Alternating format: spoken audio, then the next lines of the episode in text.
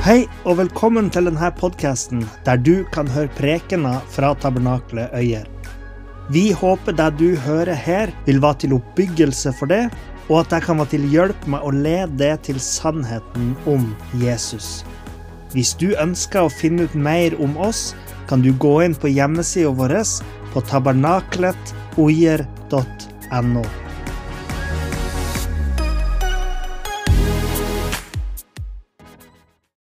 Nåde være med dere og fred fra Gud, vår Far og Herren Jesus Kristus.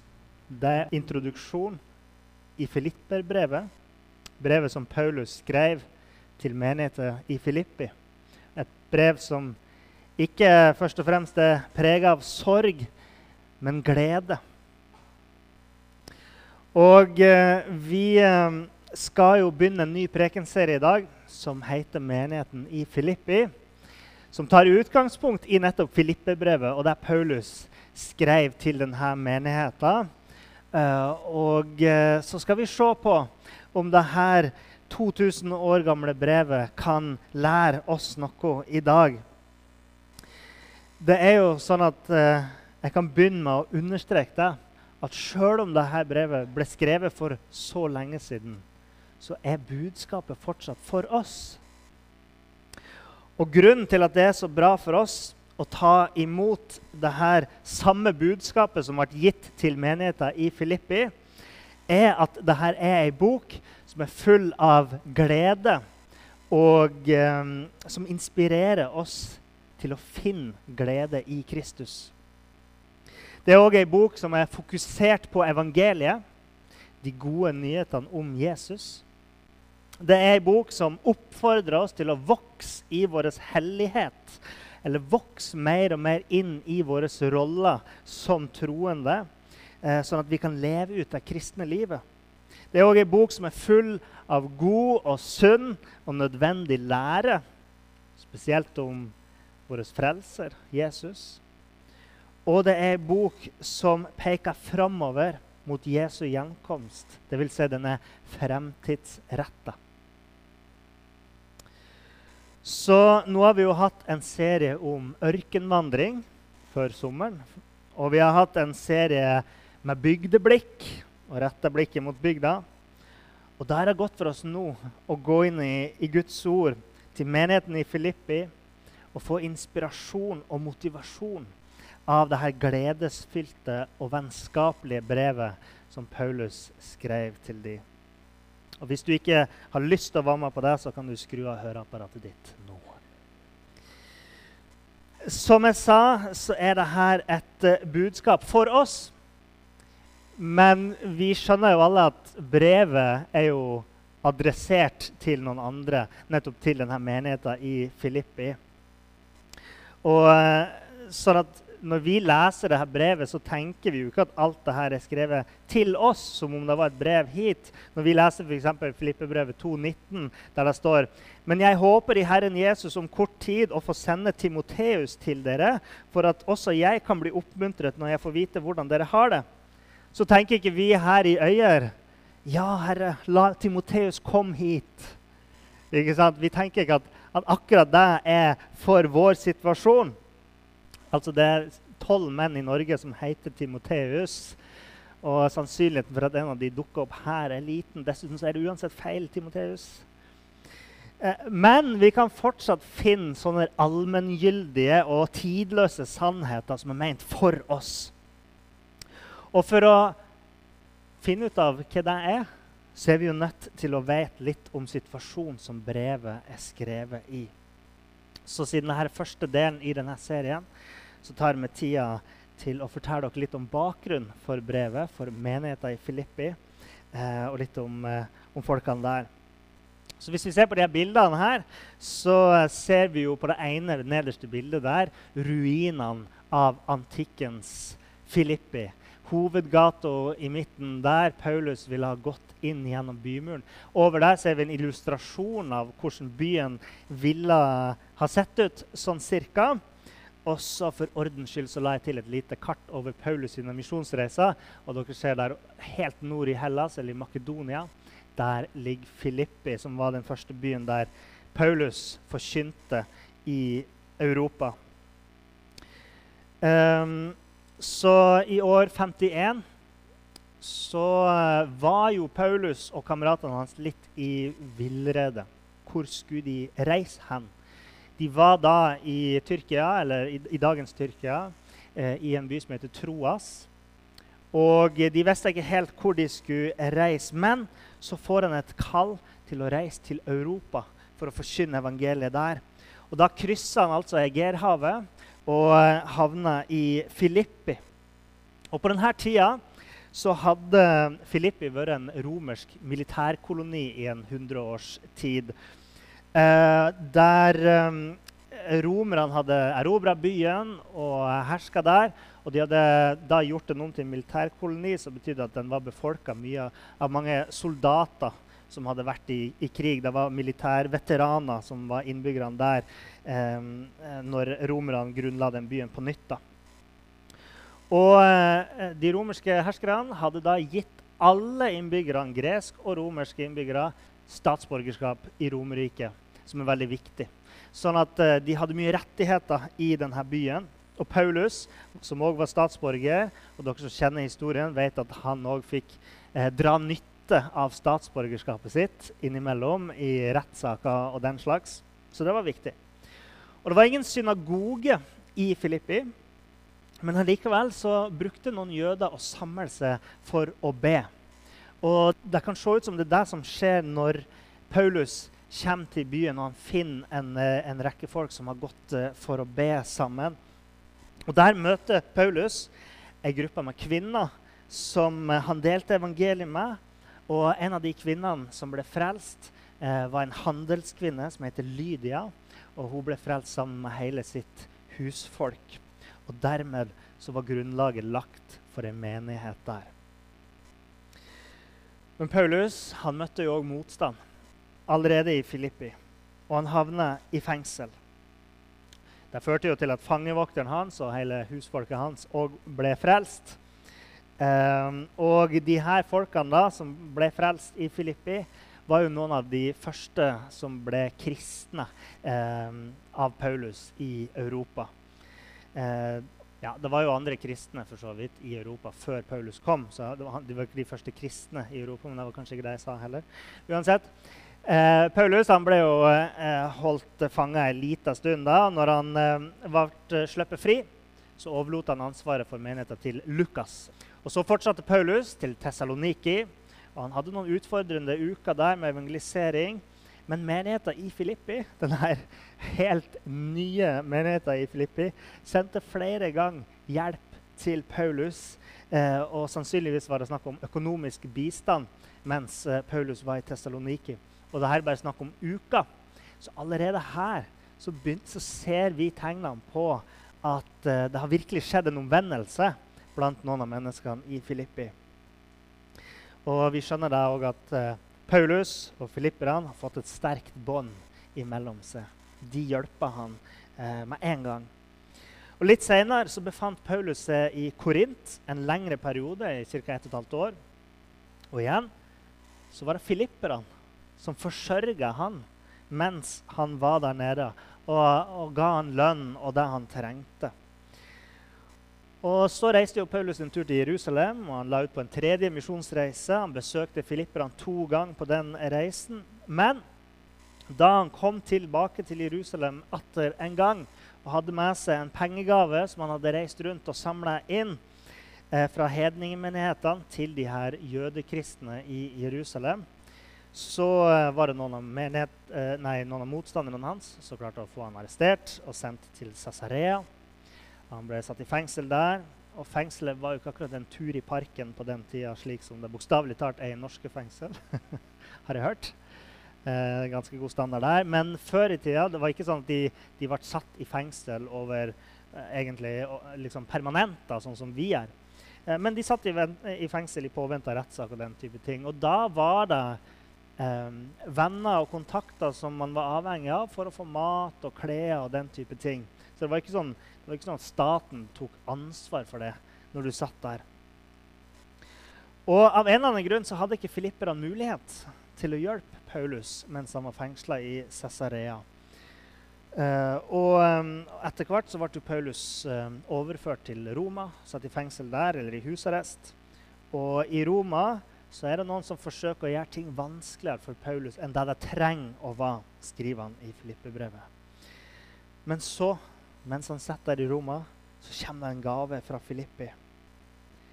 Så det var altså i fengselet i Roma at Paulus skrev dette brevet omtrent ti år etter hans første besøk i Filippi. Han skriver i Filippibrevet 4,18.: Men nå har jeg alt, og jeg har også overflod. Jeg har i rikt mål etter å ha mottatt fra Epafroditus det som ble sendt fra dere, en velduft og kjærkomment offer til Guds behag. Med andre ord, de hadde sendt en ny gave, en kjempegave for å hjelpe deres trosfar Paulus i en vanskelig tid. Og han legger ikke lokk på hvor glad han var for det. Så det var litt om menighetens situasjon der. Og Dagens tekst er jo Filippebrevet kapittel 1, vers 1-11. Så la oss bare lese de her versene, for det er ikke så mange. Paulus og Timoteus, Kristi Jesu tjenere, hilser alle de hellige i Kristus Jesus som bor i Filippi, og deres tilsynsmenn og diakoner. Nåde være med dere og fred fra Gud vår Far og Herren Jesus Kristus. Jeg takker min Gud hver gang jeg blir minnet om dere, og alltid. I all min bønn ber jeg for dere alle med glede. Jeg takker for det samfunn vi har i tjenesten for evangeliet, fra den første dag og helt til nå. Jeg er helt overbevist om dette, at Han som har begynt den gode gjerning i dere, vil fullføre den inntil Jesu Kristi dag. Det er da også rett av meg å tenke slik om dere alle, for jeg har dere i mitt hjerte, ettersom dere alle deler fellesskapet i nåden med meg, både når jeg bærer mine lenker, og under forsvar og stad stadfestelse av evangeliet. For Gud er mitt vitne på hvor inderlig jeg lengter etter dere alle med Jesu Kristi hjertelag. Og dette ber jeg om, at kjærligheten deres stadig må bli rikere på innsikt og dømmekraft. På den måten kan dere dømme om smått og stort, så dere kan være rene og uten anstøt til Kristi dag og være fylt av rettferdighetsfrukter som kommer ved Jesus Kristus til Guds ære og pris. Eh, hvis dere har lyst til å lese eh, de her tekstene som vi skal ta utgangspunkt i på forhånd før søndagene, så har jeg laga en bibelleseplan som jeg kan skrive ut til dere etter behov. Men den ligger på nettet på nettsida vår tabernakler.no under eh, fanen som heter 'Ressurser'. Så finner dere den eh, der. Så kan dere liksom lese dere opp på forhånd, og det er veldig fint. Brevet her begynner jo med en hilsen i vers 1 og 2. Og tilsynelatende så er jo dette en helt ordinær og typisk paulinsk hilsen. Um, men det er noen ting som skiller seg ut her. For det første så begynner, det, begynner Paulus med å presentere både seg sjøl og Timoteus i stedet for å bare presentere sitt eget navn først. Og han, kaller, han sier at vi er Kristi Jesu tjenere eller slaver. Og dette er uvanlig av to grunner. For det første er det uvanlig at Paulus skriver noen andre enn sitt eget navn til å begynne med. Vanlig, og I tillegg så bruker han vanligvis tittelen apostel og ikke tjener. Og Poenget er ikke at Paulus som prøver å si at Timoteus er medforfatter av brevet. fordi Senere i brevet så ser vi jo at Paulus han bruker eh, Han sier 'jeg'. Eh, men her så betrygger han filipperne om at Paulus er ikke overlatt til seg sjøl. For de vet om hvor han er. De vet at han er i fengsel. Men han er ikke alene. Timoteus står med han, last og brast. Og I Forkynneren 4,9 der står det jo det er bedre å være to enn én. Visste dere at det kom fra Bibelen? Neppe. Eh, men altså, Filipperne ville jo da tenkt, når de leser de første setningene Å, så godt at han har Timoteus på samme måte som det alltid er godt for oss å stå sammen med noen i troen. ikke sant?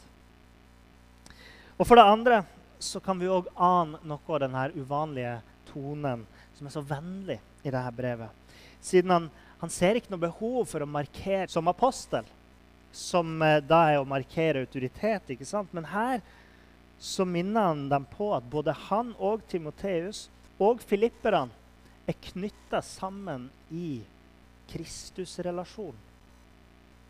For filipperne er jo òg i Kristus, som han sier.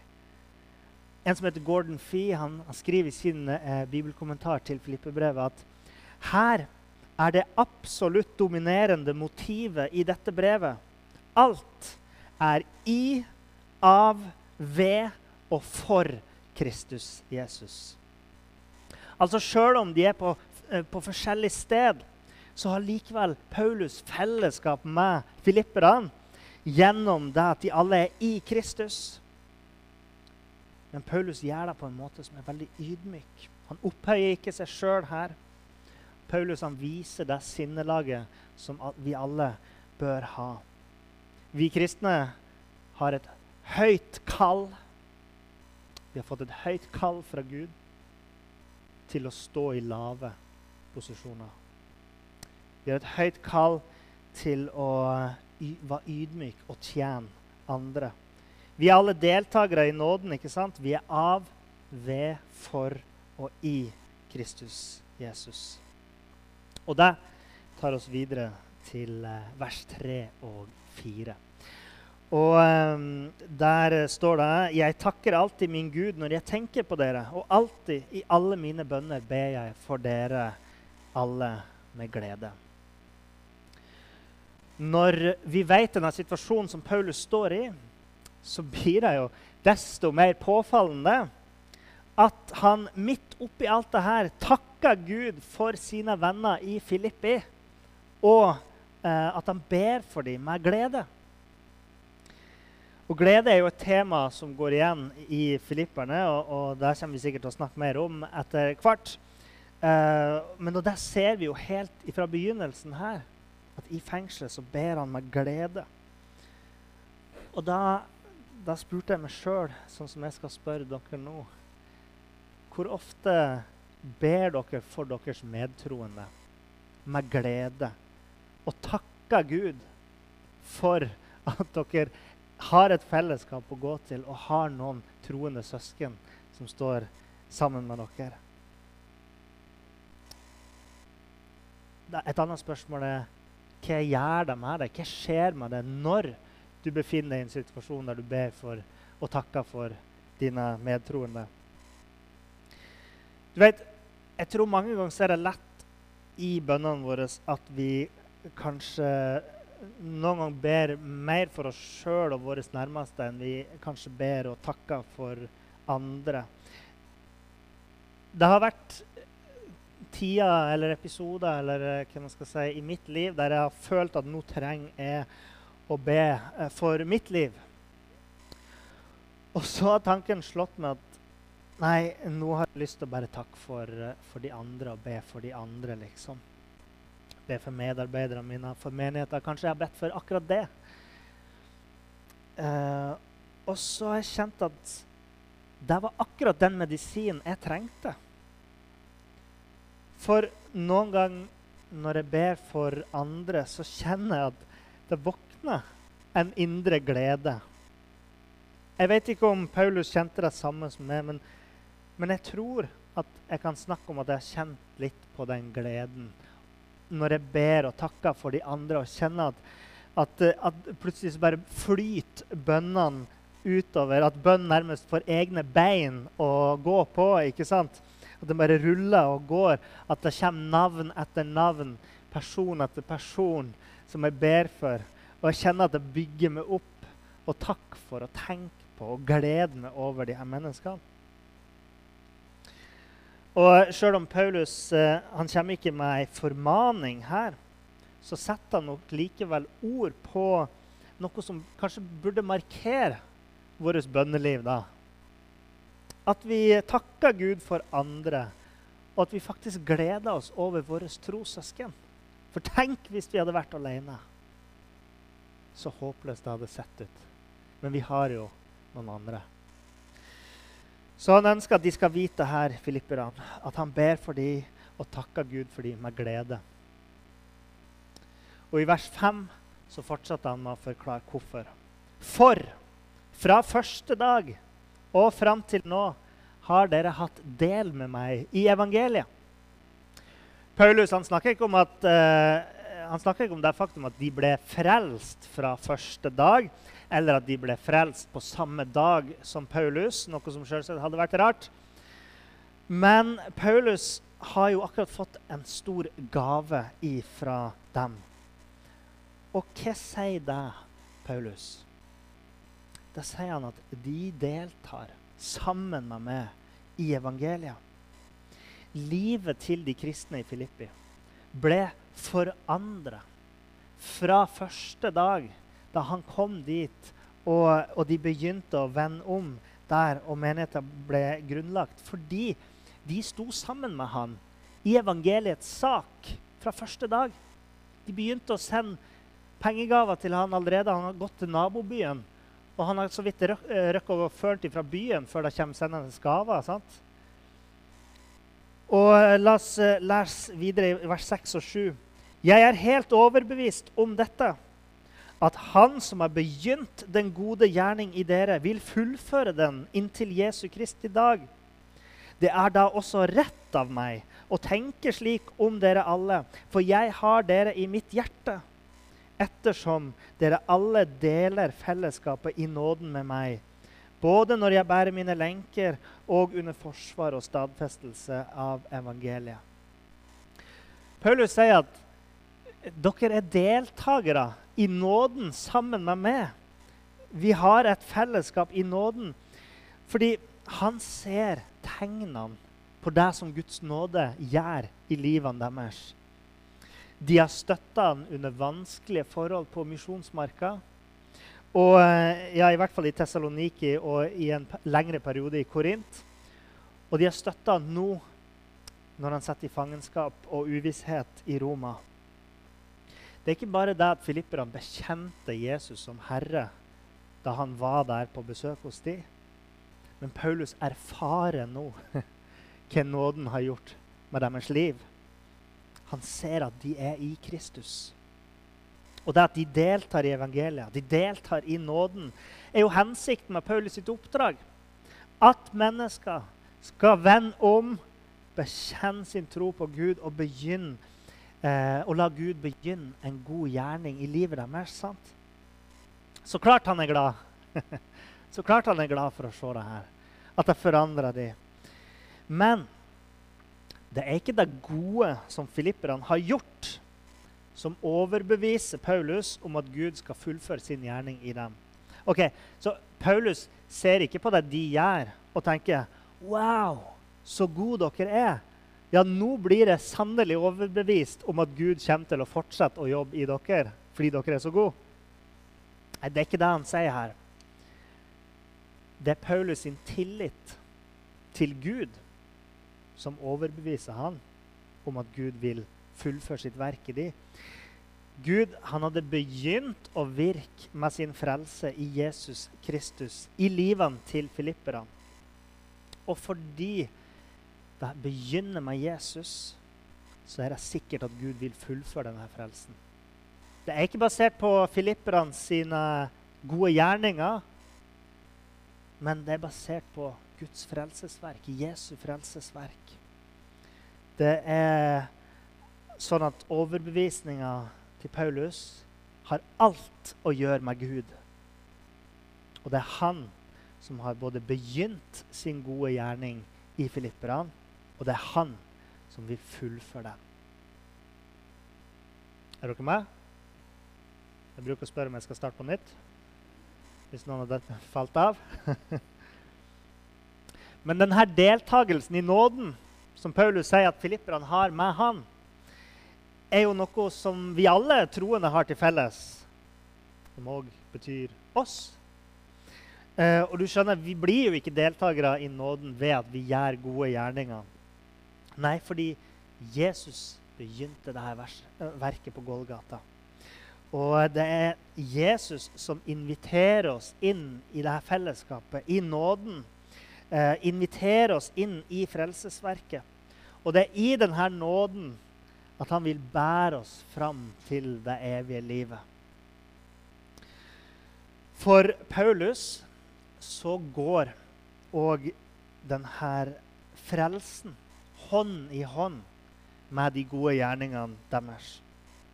Og for filipperne så innebærer det her at de er med på det samme oppdraget som Paulus var på. At de er med og støtter evangeliseringa. De er med på, på, um, på å fremme Guds sak, da, evangeliets sak. De deltar i evangeliet. Ikke bare fordi de tror, ikke bare fordi de er frelst, men fordi at deres gjerninger går hånd i hånd med frelsen. Og Paulus ser det. Her er det ikke bare ord, tomme ord, men det er et forandra liv. Som troende så er det lagt et ansvar på oss om å bringe Guds ord og bringe evangeliet, det kristne budskapet, ut i verden.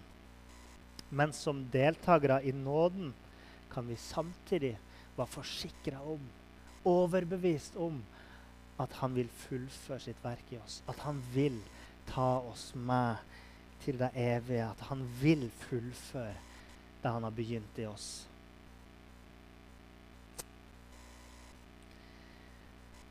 Paulus har jo allerede nevnt at han ber for filipperne med glede. Og vi ser gjennom de her versene her at han, han er rett og slett glad i dem. Han lengter etter å se dem igjen. Og i de siste versene her så, eh, som vi skal se på i dag, så sier Paulus noe om hva han ber om når han ber for dem. Når Paulus ber for dem, så ber han om at kjærligheten deres stadig må bli rikere på innsikt og dømmekraft.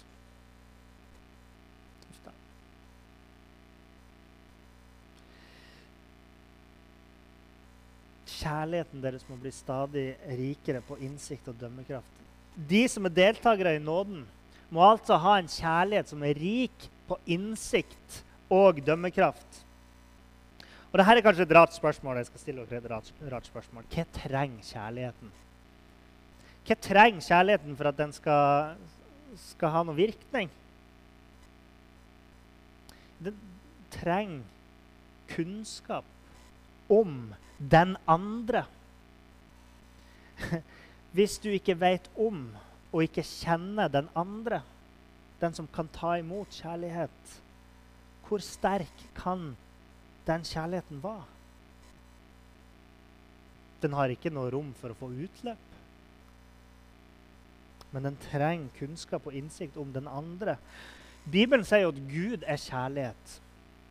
I diskusjoner med muslimer så har noen gang kristne dratt fram det eh, problemet som er med Allah. At han kunne aldri ha, ha hatt kjærlighet før han skapte, fordi Allah er alene. Men eh, fra evighet av så har Gud vært kjærlighet. Fordi at de tre personene i Guds vesen har full innsikt i hverandre, full kunnskap om hverandre og elsker hverandre med den perfekte kjærlighet, den reneste kjærlighet. Og hvis det første budet for oss er å elske Gud, hva trenger vår kjærlighet? Hva trenger vår kjærlighet for å elske Gud? Er det noen som vet hvor jeg vil hen? Hva trenger vår kjærlighet hvis vi skal elske Gud? Kunnskap om Gud. Innsikt i Gud. Ikke fullstendig, men vi trenger å vite hvem han er, hva han har gjort, og hva som er hans vilje for oss. OK? Paulus han er smart. Han skriver bra. Samtidig som kjærligheten var rik på dømmekraft. Vi kan f.eks. ikke demonstrere vår kjærlighet til Gud og til andre mennesker uten å kjenne nettopp Guds vilje og uten å kjenne hva vår nestes behov er. Og Paulus skriver om hvorfor de må få mer av denne typen kjærlighet. Jo, for på den måten kan dere dømme om smått og stort, så dere kan være rene og uten anstøt til Kristi dag og være fylt av rettferdighetsfrukter som kommer ved Jesus Kristus, til Guds ære og pris. Er vi deltakere i nåden, så må vi òg ha evnen til å dømme mellom små ting, store ting. Eh, sånn at vi kan leve de beste mulige livene for Gud i Jesus. Eh, muligens så peker Paulus òg framover mot noe som kommer senere i brevet. Han, han snakker om i Filippebrevet kapittel 3 vers 2. Hold øye med hundene, hold øye med de onde arbeiderne, hold øye med skamskjæringen, altså den omskjærelsen som de eh, eh holdt på med, noen som mente at de kristne måtte omskjæres. Og i eh, kapittel 3, vers 18 og 19.: Mange vandrer som fiender av Kristi kors. Deres mål er fortapelse. Deres gud er magen. De setter sin ære i sin skam og tenker bare på de ting som hører jordelivet til. Altså, vi må være i stand til å dømme og ha eh, rik innsikt og dømmekraft eh, for å kunne skille mellom onde mennesker, falske lærere. sant? Det er til og med en nådegave som er slik for å dømme mellom ånds, eh, åndskrefter. Men først og fremst så handler, eh, handler denne kjærligheten som er rik på innsikt og dømmekraft, om at hver enkelt av oss som deltakere i nåden skal stå fram moralsk rein og uklanderlig den dagen vi møter vår Herre. Så det er jo sånn Og jeg skal avslutte nå. Takk Gud, sa de. Nei da, jeg tuller. Men uh, det er jo sånn at, uh, at noen ganger i de her bibelske bøkene så bruker forfatterne et virkemiddel der de, der de, drar inn mye av tematikken som kommer videre ut i boka. Sånn gjør Paulus i dette brevet òg, og noen av de tingene som, uh, som er påpekt i dag, kommer vi nok innom kanskje opptil flere ganger i, i, løpet av denne serien. Men jeg har prøvd å dra ut noen lærdommer her fra introen. For, helt fra begynnelsen av det her vennskapelige brevet fra fangen Paulus til menigheten i Filippi. Fordi at det her er jo òg for oss. Og eh, kanskje den viktigste ingrediensen er da at vi er i Kristus. Det går igjen i dette brevet. Vi er knytta sammen gjennom vår felles kjennskap til Jesus. Som selvsagt er mer enn bare et kjennskap, men noe som forandrer og forvandler og forankrer vår identitet. Vi er ikke lenger bare selvstendige individ, men vi er, i kraft av å være frelst i Kristus, deltakere i dette evangeliet. Deltakere i nåden. Og det betyr at vi er ydmyke tjenere, sånn som Paulus, som kunne kalle seg en tjener eller en slave for Kristus. Det at vi er deltakere i nåden, gir oss et fellesskap som holder sammen i motgang, sånn som Timoteus sto sammen med Paulus eh, da han var i fengsel. Eh, og det er bare evangeliet som i de mest pressende situasjonene kan hjelpe oss til å glede oss Gleda sånn som Paulus gleda seg for filipperne midt oppi all den motgangen han møtte. Det er deltakelsen i nåden som gjør at vi ber og takker Gud og gleder oss for våre trossøsken. Det er deltakelsen i nåden som gjør at vi kan slippe å frykte for at, uh, at våre gjerninger ikke er gode nok for Gud, men at vi kan være trygge og overbevist om at Gud vil føre oss i mål. Og så kan jo gleden flyte fram ved denne eh, overbevisninga, og, og, gleden føre til gode gjerninger mot andre. Og det er som deltakere i nåden at vi vil få en kjærlighet som er stadig rikere på innsikt og dømmekraft, som tjener for vårt beste, for vår nestes beste og for Guds ære. Og som deltakere i nåden så har vi et herlig framtidshåp, som er det at Gud vil fullføre sin gjerning i oss da vi skal få møte Jesus Kristus ved hans gjenkomst. Vi skal ha nattverd. Uh, fordi Jesus han uh, innstifta nattverdsmåltidet. Og det er en symbolisering av det faktum at vi er i Kristus. Vi tar del i Han. når vi spiser av hans kropp og drikker av hans blod. Og det er slik at uh, Jesus han, uh, han, ga sin kropp for oss. Og han uh, utøste sitt blod for vår skyld. Slik at ikke vi skulle trenge å dø og gi vårt blod for de syndene som vi har gjort. Men han tok det på seg sjøl. Og og Det står i Matteus 26, fra vers 26. Mens de holdt måltid, tok Jesus et brød, takket, brøt det, ga disiplene og sa:" Ta dette og et det. Dette er mitt legeme. Og han tok en kalk, takket, ga dem og sa:" Drikk alle av den, for dette er mitt blod, paktens blod som utøses for mange til syndenes forlatelse.